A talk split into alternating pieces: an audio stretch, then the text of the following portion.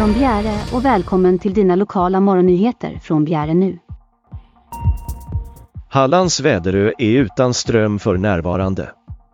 Bjäre Kraft tror att det är ett ankare eller liknande som ligger bakom strömavbrottet.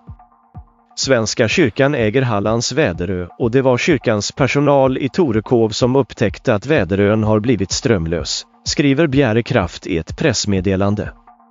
En felsökning av den cirka 5 km långa elkabeln på havsbotten visar att felet ligger cirka 650 meter ut i havet, räknat från Torekov.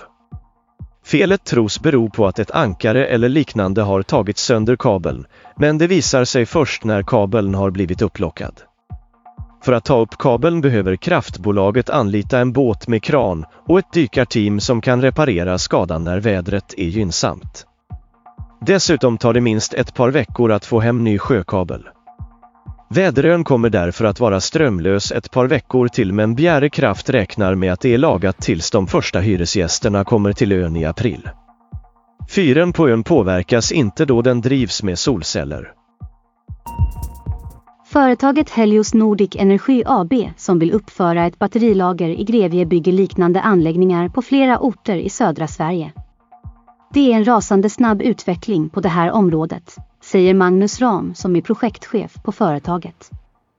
Företaget Helios Nordic Energy AB har nyligen tecknat ett optionsavtal med Båstads kommun om att kunna uppföra ett batterilager i Grevie. Det här projektet är så nytt att det inte har kommit in i rullorna än. Vi har precis fått avtalet från kommunen.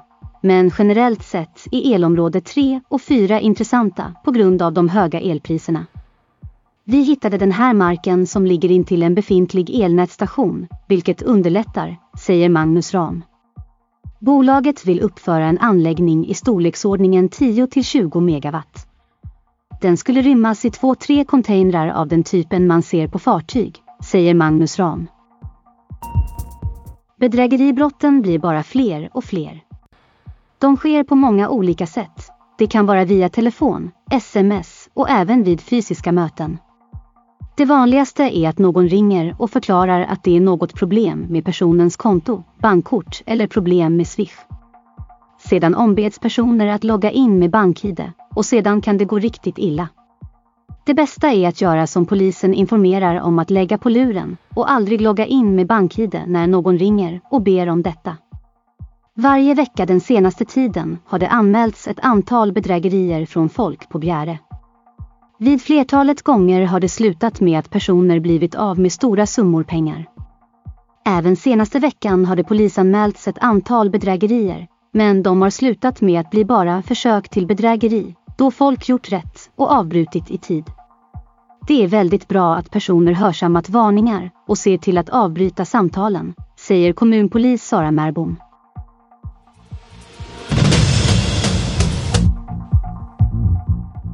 Och så vädret som inleds med minusgrader och en ganska klar himmel. Framåt dagen blir det dock mer moln även om en del solchans finns under eftermiddagen. Temperaturen landar som mest på 3 grader.